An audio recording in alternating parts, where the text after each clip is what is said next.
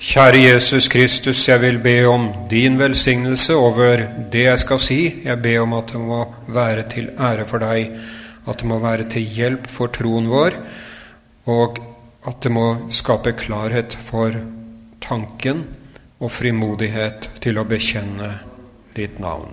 Amen. Nå har vi allerede fått høre mye interessant og godt om bekjennelsen. Og eh, det kan nok hende at jeg kommer til å tangere noe av det som allerede er sagt. Det får bare stå sin prøve. Men eh, min oppgave det er å si litt om hvordan forholdet mellom luthersk bekjennelse og luthersk trossamfunn er å forstå. Eh, lærer Bibelen oss noe med tanke på å forstå det forholdet?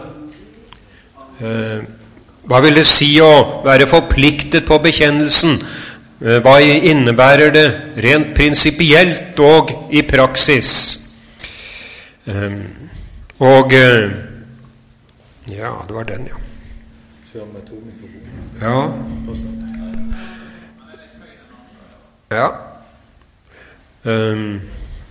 Hva slags konsekvenser skal vi ta av bekjennelsesskriftene i vårt liv som kristne og i henhold til den kristne kirken, menigheten, som vi tilhører.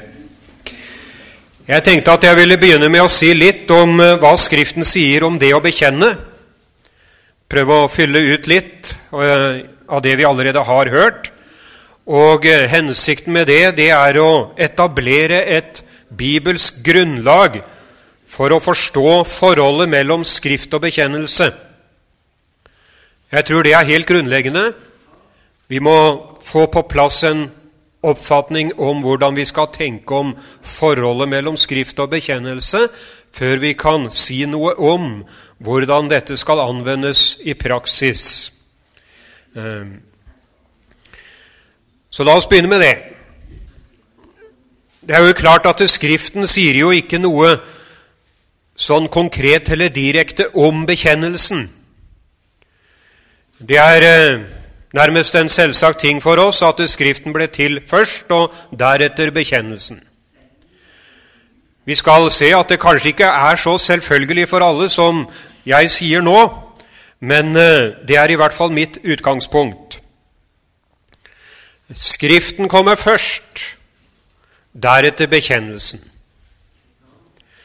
Og eh, vi kan si litt om hva det vil si å bekjenne, ut ifra Skriften, og hvordan Skriften bruker selve ordet 'bekjenne' og taler om saken bekjennelse. Som vi allerede har hørt, så er det en rekke steder i Skriften der det tales om det å bekjenne. Det står om ypperstepresten i Det gamle testamentet at han bekjente folkets synd over slakteofferbukken.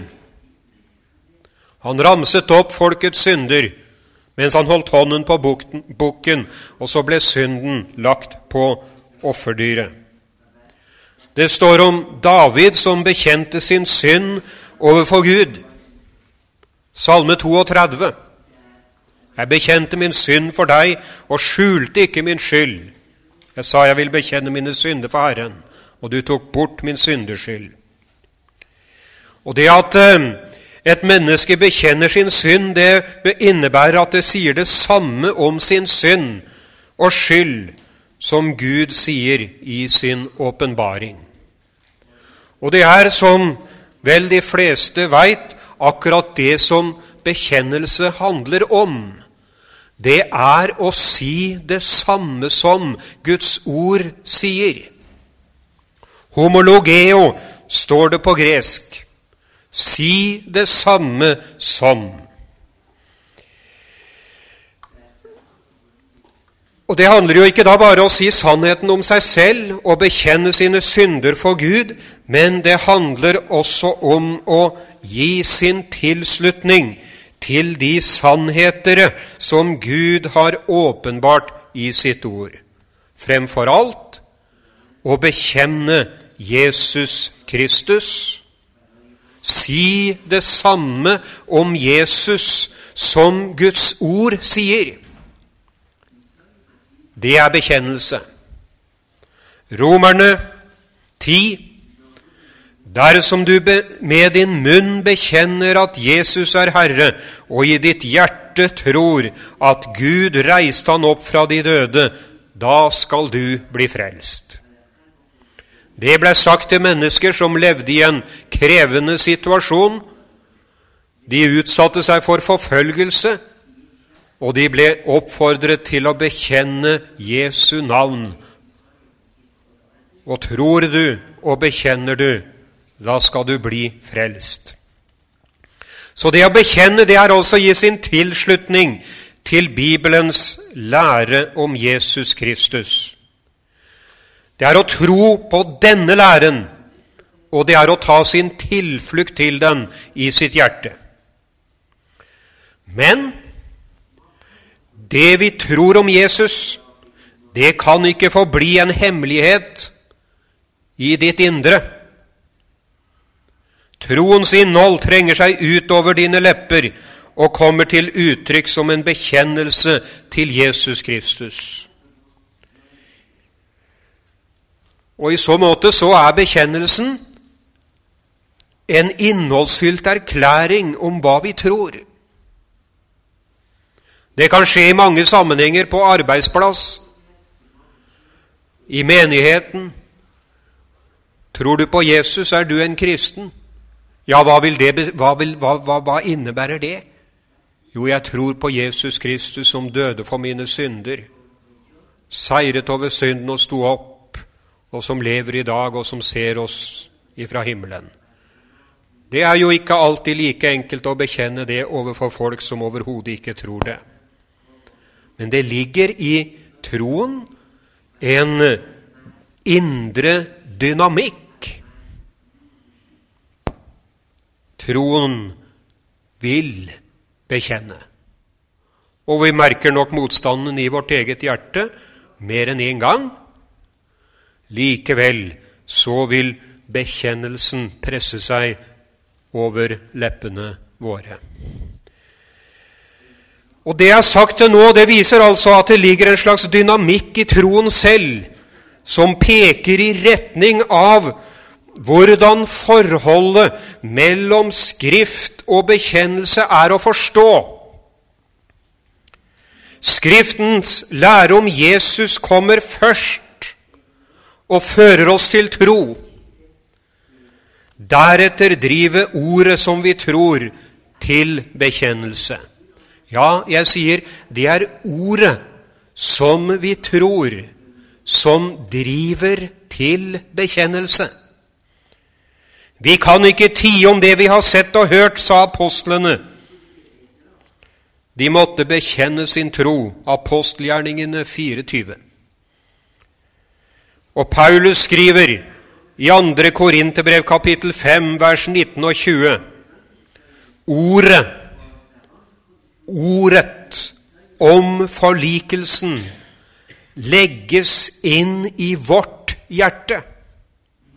Først legges ordet om forlikelsen inn i mitt hjerte, og så står det Derfor ber vi i Kristi sted, la dere forlike med Gud. Ja, Paulus skriver i det samme kapitlet jeg kan ikke altså at det er en tvang for meg å forkynne evangeliet. Ordet legges inn i mitt hjerte. Jeg holder fast ved ordet, ved troen, og ordet vil over mine lepper. Slik er sammenhengen. Og det bekrefter på en måte den lutherske oppfatningen om forholdet mellom Skrift og bekjennelse. Det forholdet det er formulert veldig prinsipielt i luthersk teologi, men den, det, disse prinsipielle teologiske tankene om det de bunner i troen og opplevelsen av å ha møtt Jesus Kristus i Skriften. Det har klangbånd i noe som lever i en troendes hjerte. I klartekst så betyr det at det er Bibelen som er selve kilden til troen og den absolutte forutsetning og norm for det vi tror. Bekjennelsen, ordene som kommer over mine lepper, ja, de skal være utledet av Skriften. De har Skriften som kilde, som livsens kilde. Og eh, så sant de er i samsvar med Skriftens ord, ja, så, så har de en normativitet for troen. Og det at eh, vi kan tale om et slikt forhold mellom Skriften og bekjennelsen, at vi gir primatet til Skriften, det kommer alltid først. Og bekjennelsen kommer deretter. Det syns jeg også at vi får bekreftet når vi ser litt på den historiske prosessen som førte til at bekjennelsesskriftene ble til. Vi bare nevner lite grann i den forbindelse. Og som jeg sa innledningsvis, det er ikke alltid vært helt enighet om hva som kommer først av skrift og bekjennelse. I 1825 så var det en dansk teolog, stor kirkemann, selveste Grundtvig. Han hadde noe som han kalte sin makeløse oppdagelse. Og Han mente altså at den apostoliske bekjennelse, den eldste av bekjennelsesskriftene, den var gitt direkte fra Jesus til apostlene. Det er det opprinnelige ord. Og det er denne bekjennelse som liksom er blitt ivaretatt og videreført til de troende, fra apostlene videre til de andre troende, og så er det på en måte blitt inkorporert i Det nye testamentet. Du finner nærmest en slags indre struktur i Det nye testamentet, og på en måte alt som står der, det er pakket rundt denne apostoliske bekjennelsen. Og forutsetningen blir også først kom bekjennelsen, deretter Skriften. Ja. Det er lenge siden at denne oppfatningen ble konfrontert og Skarshaune, Skarsaune, som jeg leste for ikke lenge siden, det er en veldig dyktig, fremragende kirkehistoriker. Han, han forteller om hvordan dette foregikk i sin tid. Det var en skarpsindig tysk, jødisk teolog som i sin tid ble nordmann. Og den første professor i Det gamle testamentet ved universitetet han begynte å studere bekjennelsesskriftene på oppdrag av av eh, sin kollega Gesle Jonsson. Og så tilbakeviste han Grundtvigs tese. Det var Paul Carl Kaspari. Ved siden av å være professor i Det gamle testamentet så forsket han med tanke på å påvise at bekjennelsen ble dannet først i etterapostolisk tid. Han eh, forsket med tanke på å fastholde den grunnleggende tesen at historisk sett så kommer Skriften først. Historisk sett kommer Nye testamentet først, deretter bekjennelsen. Og jeg syns jo det, uten at jeg vil si at jeg har arbeidet veldig mye med det, men jeg har lest noen av kirkefedrene, og jeg syns det at måten de bruker det Skriften på, både Det gamle og Det nye testamentet, det gir jo en bekreftelse på at det er Skriften som er kilden. Jeg tenker bare på dette ordet 'født av Faderen'. Hvordan det egentlig utledes av Skriften. Hvordan meningsinnholdet på en måte blir formet ut av det som Skriften sier om saken. Likevel skal man som en lutheraner finne en tydelig og klart utgangspunkt med tanke på å forstå forholdet mellom Skrift og bekjennelse, ja, så må vi gå noen hundre år fremover til den lutherske reformasjonen. Og så kan vi lese da f.eks. fra Concordia-boken. Innledningen der, der står det Der står det, der, der bekjenner de faktisk bekjennelsens status i forhold til Skriften. La meg sitere fra forordet. Helt til sist vil vi nok en gang gjenta at vi med dette konkordieverk slett ikke vil komme med noe nytt, og heller ikke, verken i sak eller uttrykksform, vike fra den guddommelige sannhet som en gang er erkjent og bekjent av våre salige forfedre og oss. Det er slik den er grunnlagt i de profetiske og apostoliske skrifter, og dernest sammenfattet i de tre symboler, osv., osv. Skriften først, deretter bekjennelsen. Og det betyr jo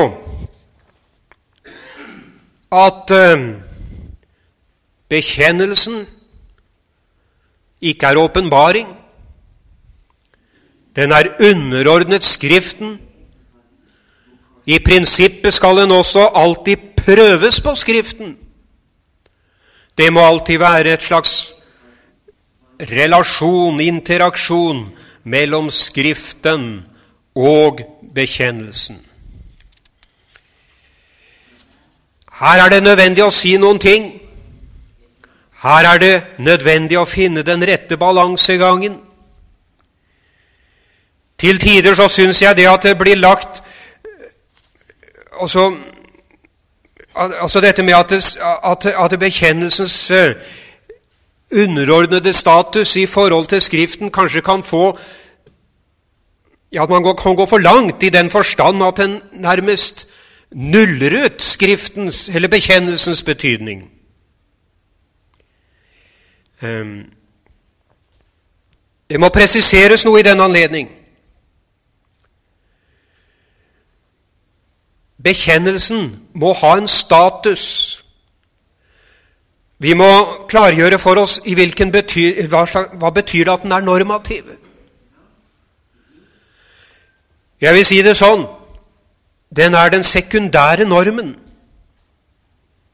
Selv om bekjennelsen er underordnet Skriften, så må den altså ha en status som setter den i en særstilling i forhold til eh, Kirken. Bekjennelsen er normative. Vi kan ikke på en måte bruke dem omtrent som vi vil. De må løftes opp og på rett vis være prøvingsinstanser. Det tror jeg vi må ta inn over oss i vår tid. Skriften er den øverste norm. Bekjennelsen er den avledede norm. Og det betyr at både Skrift og bekjennelse er normative. Begge er prøvingsinstanser.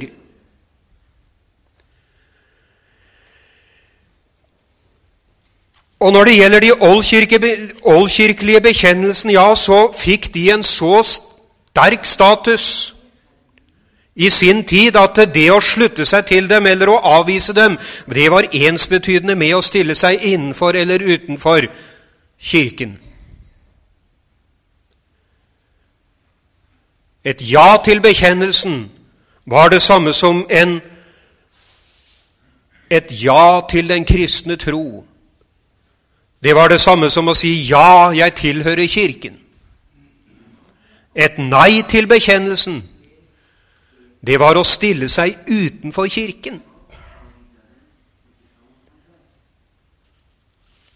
Det tror jeg vi må ta inn over oss og legge som en grunnleggende oppfatning når vi bruker bekjennelsen i vår tid.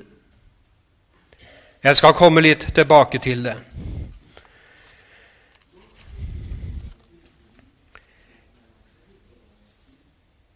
Et spørsmål som må drøftes allikevel, og som jeg skal prøve å si litt om, det er hvordan skal dette forholdet, eller hvordan skal vi anvende bekjennelsen som en prøvingsinstans eller en slags instans som lærer oss troens innhold. Jeg tror det er grøfter å falle i på begge sider. Som sagt så fins det lutherske trossamfunn, det er ikke det grann vanskelig å finne dem, som nærmest har innarbeidet seg et likegyldig forhold til bekjennelsen. På den annen side så finnes det også lutherske trossamfunn som gir bekjennelsen en så sterk betydning at den nærmest blir enerådende som prøvingsinstans og grunnlag for troen. Spørsmålet er altså hvordan skal jeg bruke bekjennelsen som norm? Og jeg tenker at det jeg allerede har sagt nå om forholdet mellom Skrift og bekjennelse, tilsier at bekjennelsen alltid må brukes sammen med Skriften.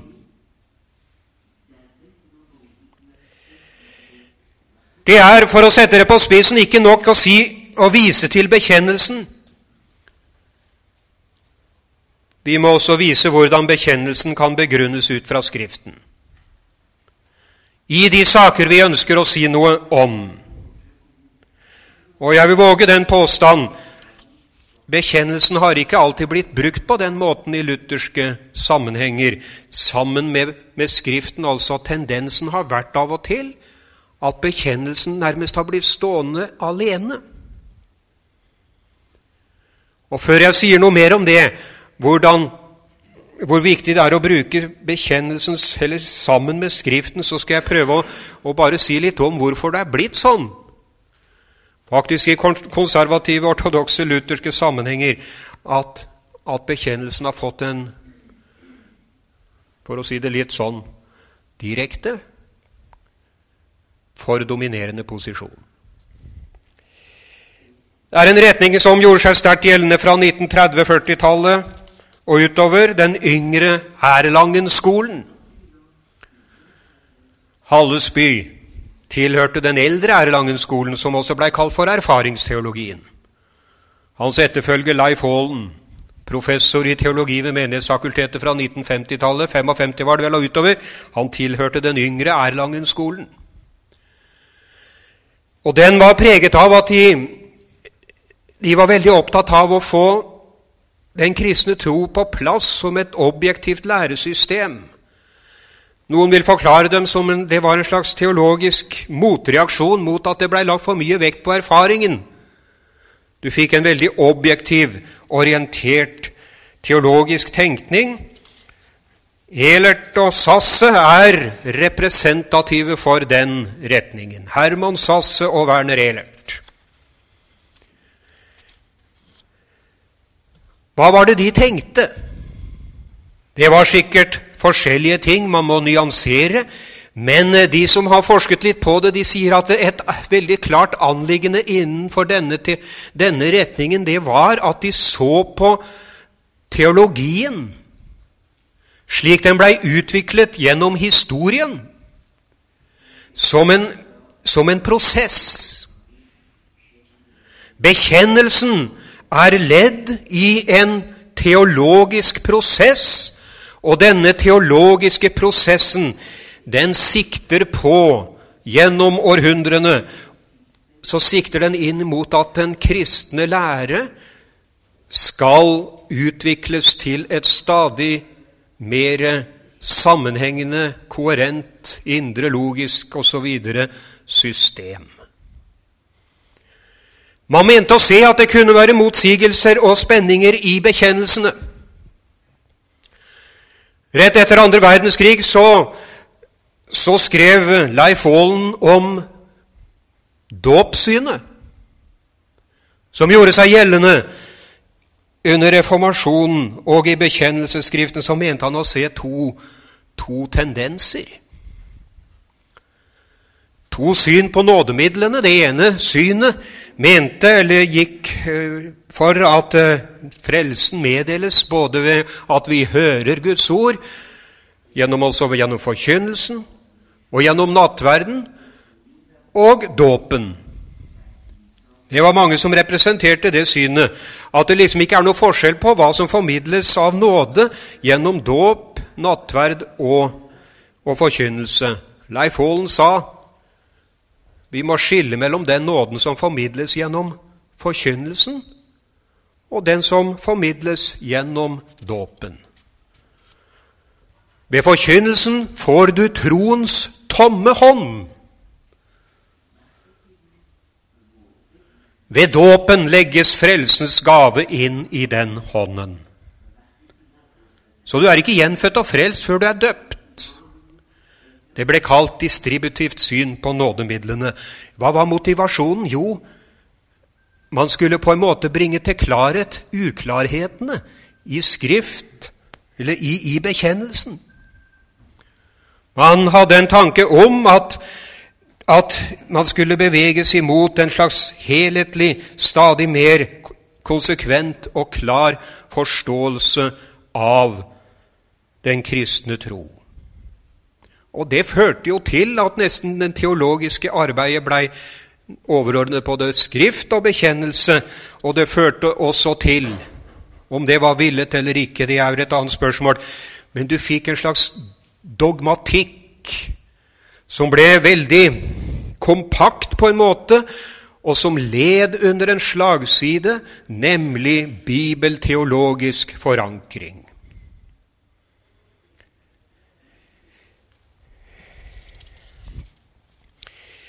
Det har jeg stått overfor mange ganger i senere år.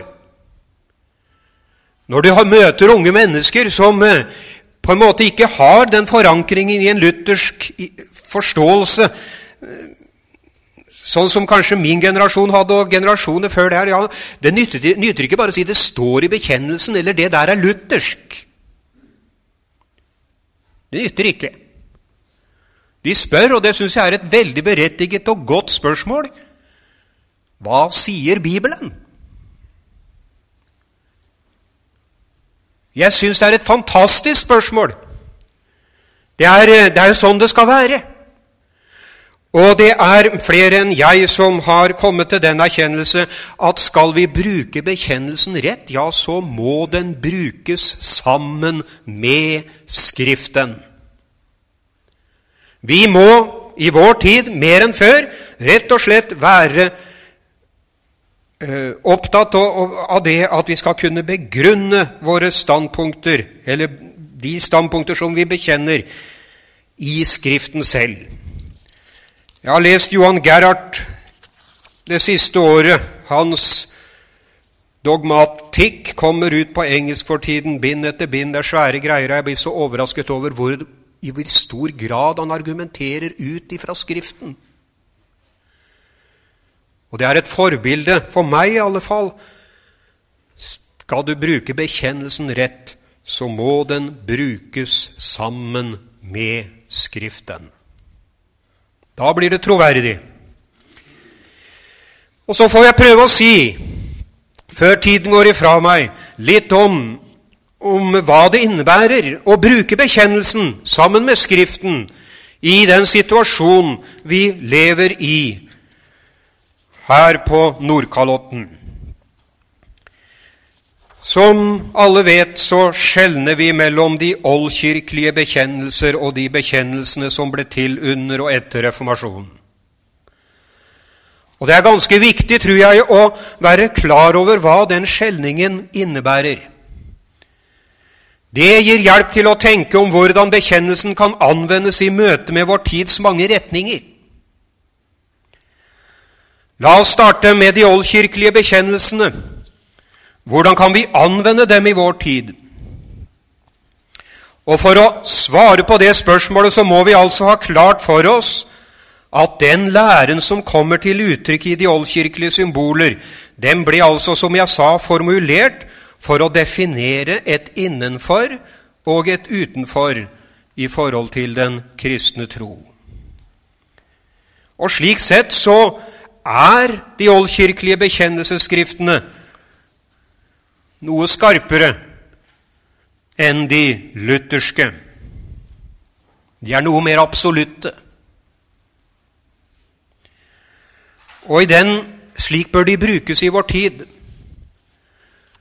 Og Det betyr at en tilslutning til treenighetslæren, læren om Jesu to naturer, Læren om at Den hellige ånd er en person, ikke en upersonlig kraft, det må være kriterier for at et trossamfunn kan regnes som kristent overhodet. Vi kan på grunnlag av de oldkirkelige bekjennelser gi hverandre en viss anerkjennelse over konfesjonsgrensene som kristne kirkesamfunn. Vi slutter oss til læren om den treenige Gud, Jesus Kristus. Trossamfunn som Jehovas vitner og mormonere, dem anerkjenner vi imidlertid ikke som kristne, både fordi de avviser den læren som kommer til uttrykk i de oldkirkelige bekjennelsesskrifter, og fordi de utvikler alternativer til det. Jeg har møtt en del, ikke så veldig mange, men det, det er de som kommer bort i disse bevegelsene og tror at de er kristne.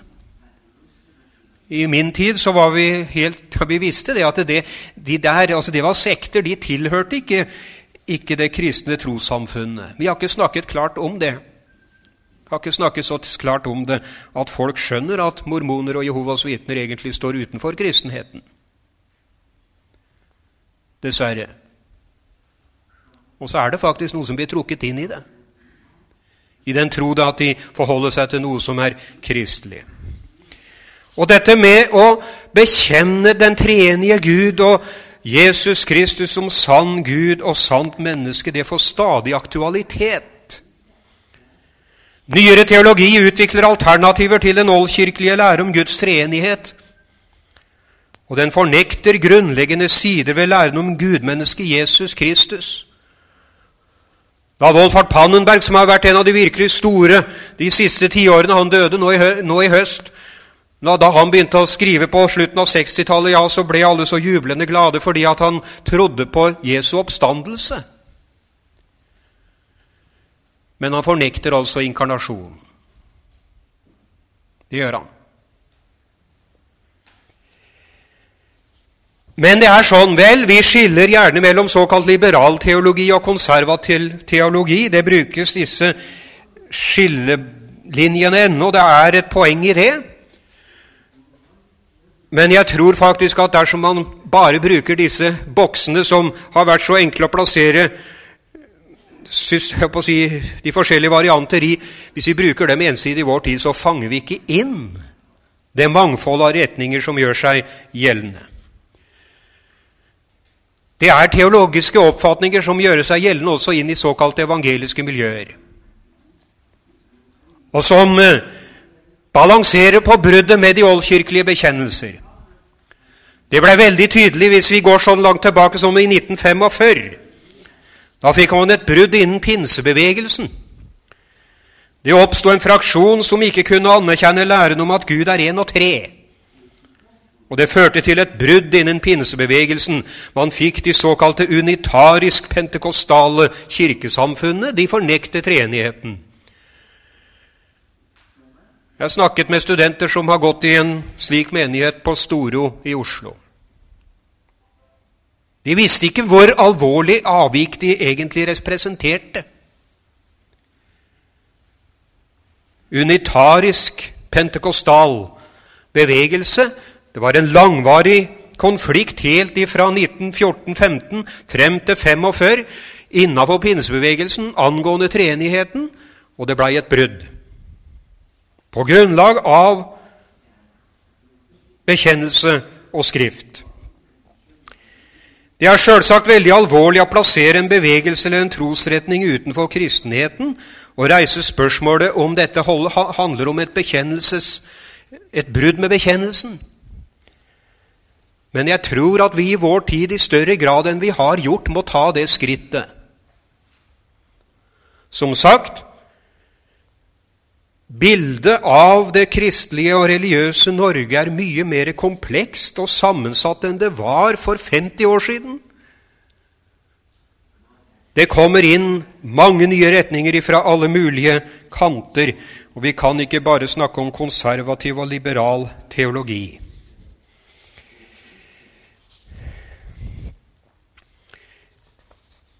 Jeg har lyst til å nevne Særlig én retning som jeg er bekymra for. og som jeg mener bør vurderes ut ifra Skrift og bekjennelse, det er den bevegelse som kan føre tilbake til Kenneth Hagen sine skrifter. Det har gjort seg gjeldende i Norge i mange år. Hans lære om mennesket, Gud, Kristus og Helligånden samt sykdom og helbredelse, den er så avvikende at den burde reise spørsmålet er de innenfor eller utenfor bekjennelsen? Det er et veldig alvorlig skritt å konkludere, og jeg vil ikke våge å gjøre det her. Men det er Han går veldig langt i å utvikle en annerledes teologi. Det samme gjelder den såkalte NAR-bevegelsen, New Apostolic Reformation. Bill Johnson hører med der. Todd Bentley, navn som vi har hørt. Læren om menneskets guddommeliggjørelse, læren om at kristne som er salvet, kan gjøre større under enn Jesus. Læren om den såkalte karismatiske Kristus, som jeg skal si litt om senere, at Jesus nærmest la av seg all guddommelighet da han ble menneske, for så å få igjen guddommelige krefter ved sin dåp. Det lærer Bill Johnson. Og ved det så blir han et forbilde for oss troende. Vi skal, Jesus ble fylt med Ånden og satt i stand til å gjøre under. Og i den aller siste tid så skal det oppreises en generasjon som skal kunne gjøre under slik som Jesus. Jeg husker jeg spurte en person en gang hvem er det i vår tid som gjør større under enn Jesus. Reinhard Bonke, ble det svart. Og det er flere andre. Ja, ja det er veldige ting. Har man ikke da satt Jesus og mennesket veldig nær hverandre på når det gjelder nivå. Det er ofte inkonsekvent, det som blir sagt, slik at de kan på en måte være både innenfor og utenfor med hensyn til sitt forhold til bekjennelsen. Det er ikke enkelt å, å plassere det. Men jeg tror vi må større, i større grad være villige til å vurdere læren og de lærdomsvinder som kommer over oss. Og så en ting til, da, når vi først er inne på det. Den norske kirke står i den største krisen den noen gang har vært i disse dager. Er eh, ekteskapet, definisjon av hva ekteskapet er, et bekjennelsesspørsmål? Ja, det er det da vitterlig. Skal jeg ikke si det samme om ekteskapet som Guds ord sier?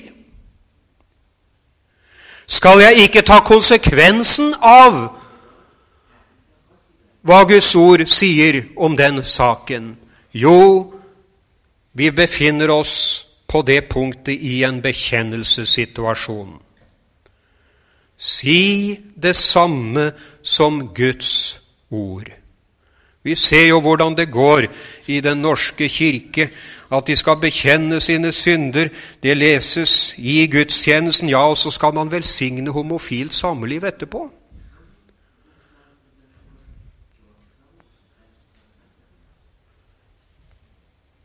Å bekjenne er å si det samme som Guds ord. Og det må vi si. Selv om vi møter argumenter som vi kan synes er vanskelig og, og kanskje problematiske. Det å bekjenne er å si det samme som Guds ord. Holde fast ved ordet i tro på at Jesus Kristus vil oss bare vel. Han har frelst oss og kjøpt oss og gjort oss til sine barn og han vil oss bare vel. Jeg snakker ofte om troens gjerninger. Og så jeg, kaller jeg det for tillitens gjerninger, fordi at tro og tillit er den samme saken. Ha tillit til Jesus, både med hensyn til frelsen og med hensyn til livet. Troen driver frem bekjennelsen og tilslutningen til ordet. Det er ikke så Jeg skal si litt til. Hvordan skal vi anvende de reformatoriske bekjennelsene i vår tid? Vi veit jo at den reformatoriske bevegelsen den satte i gang jeg håper å si, en historisk prosess. Det oppsto flere andre evangeliske kirkesamfunn i kjølvannet av den lutherske reformasjonen. Og på mange måter så står disse andre evangeliske kirkesamfunnene i en slags gjeld til det, det som Luther oppdaget. Såpass må vi kunne si. For det var Luther som gjenoppdaget evangeliet. Jeg blir ikke frelst ved gjerninger eller ved mine prestasjoner, ved min helliggjørelse og ved alt jeg er i meg selv. Nei, når det gjelder frelsens sak, så er det én ting Gud regner med, og det er det Jesus allerede har gjort for oss. Han oppdaget Skriftens tale om den fullkomne frelse på nytt, og så kom det et brudd med den daværende kirke, for der lærte man at mennesket blir frelst. Ja, de snakket om nåde, men det var ved den nåden som virket gode gjerninger. Ved gjerninger som nåden virker i meg, og som blir formet av troen, ja, ved disse gjerningene så blir jeg frelst. Slik tenker man i katolske kirkesamfunn. Og Derfor så er det på en måte et stort skille mellom kirkesamfunnene, mellom de evangeliske på den ene side og de katolske på den andre. Romersk-katolske og gresk-katolske kirkesamfunn de har en gjerningsreligion. De kan ikke akseptere den trossetningen som sier at et menneske blir frelst ved tro uten gjerninger. Det kom så tydelig frem under Tridentine konsilet etter reformasjonen. De avviser den oppfatning at mennesket blir rettferdiggjort ved troen alene, uten gjerninger. Ja, det blei diskutert frem på 1990-tallet, Joint Declaration og alt dette her som noen sikkert husker. Man var i en bekjennelsessituasjon. Og så er det et viktig spørsmål tar vi vare på den skatt som Gud har gitt oss, ved å la oss få evangeliets sannhet. Vokter vi i tilstrekkelig grad på disse retningene som gjør seg gjeldende, og som vil trekke på å si, føre en innflytelse fra katolsk teologi inn i i evangeliske kirkesamfunn. Jeg tror ikke vi gjør det. Og det er blitt synlig for oss alle, tror jeg, i det siste. Og jeg skal si noe mer om det noe senere. Det er en veldig innflytelse av katolsk, romersk-katolsk og gresk-katolsk tenkning som gjør seg gjeldende i Skandinavia. Det er ikke alltid eksplisitt frelsen det dreier seg om. Det snakkes om fromhet, om bønner osv., eh, meditasjon. Og det er ikke galt, alt det som sies, det tror jeg nok ikke, men allikevel. Det er en innflytelse ifra en annen tenkning. Peter Halldorf bør nevnes i denne forbindelse. Han legger ikke skjul på sine intensjoner. I 2014 skrev han i dagen at han ønsket enhet for de evangeliske kirkesamfunn med Rom og den gresk-ortodokse kirke. Ikke under Rom, presiserer han, men enhet med Rom. Han viser gjerne til Isak Syreren, en av disse på, fra 600-tallet, som, som var en betydelig tenker i Oldkirken. Han skriver i en av sine bøker om at denne Isak asyreren lærte rekapitulatio. Det kan være litt av hvert, men det egentlig handler om, det er gjenopprettelse av alle ting. Isak asyreren han blir regnet for å være universalist. Alle blir frelst til slutt. Hvorfor skal det reklameres så skrekkelig for Han i vår tid? Hva bekjenner vi? Liv har to utganger. Evig himmel eller evig fortapelse. Skriften gir oss ikke grunnlag for å si noe annet, så langt jeg kan forstå. Og det er, ikke, det er smertefullt å bære fram det budskapet. Men jeg er glad jeg er lutheraner. Ikke fordi jeg er lutheran, men fordi at jeg, at jeg ved den lutherske læren ja, så har jeg, fått, fått, har jeg blitt ført inn i Har jeg fått hjelp til å se hva evangeliet sier midt i den situasjonen når det tales om de to utganger. Jesus har gjort alt som du og jeg trenger for å bli frelst. Du behøver ikke å gjøre noen ting. Han betalte din gjeld. Han har sonet for alle dine synder. Guds dom og straff rammet ham. Og Gud er fornøyd. Gud har fått det han krever, og du er fri ved troen på ham. Ja, det bekjenner jeg av hjertet. Det er det jeg tror. Og det er det at jeg tror nettopp det som får meg til å spørre gjør vi nok for å ta vare på denne læren og de konsekvenser den har for det vi ellers tror. For Det er også noe spesielt ved den lutherske lære. Alt sirkler rundt denne lære som jeg nå har skissert, at alt er ferdig, gjort ferdig ved Jesus Kristus.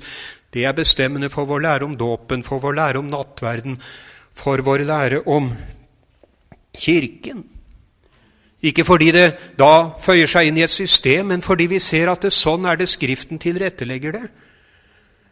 Ja, det er noen av de oppdagelser jeg har gjort, og som gjør at jeg da må si jeg er ikke helt enig med alle andre som er evangeliske heller.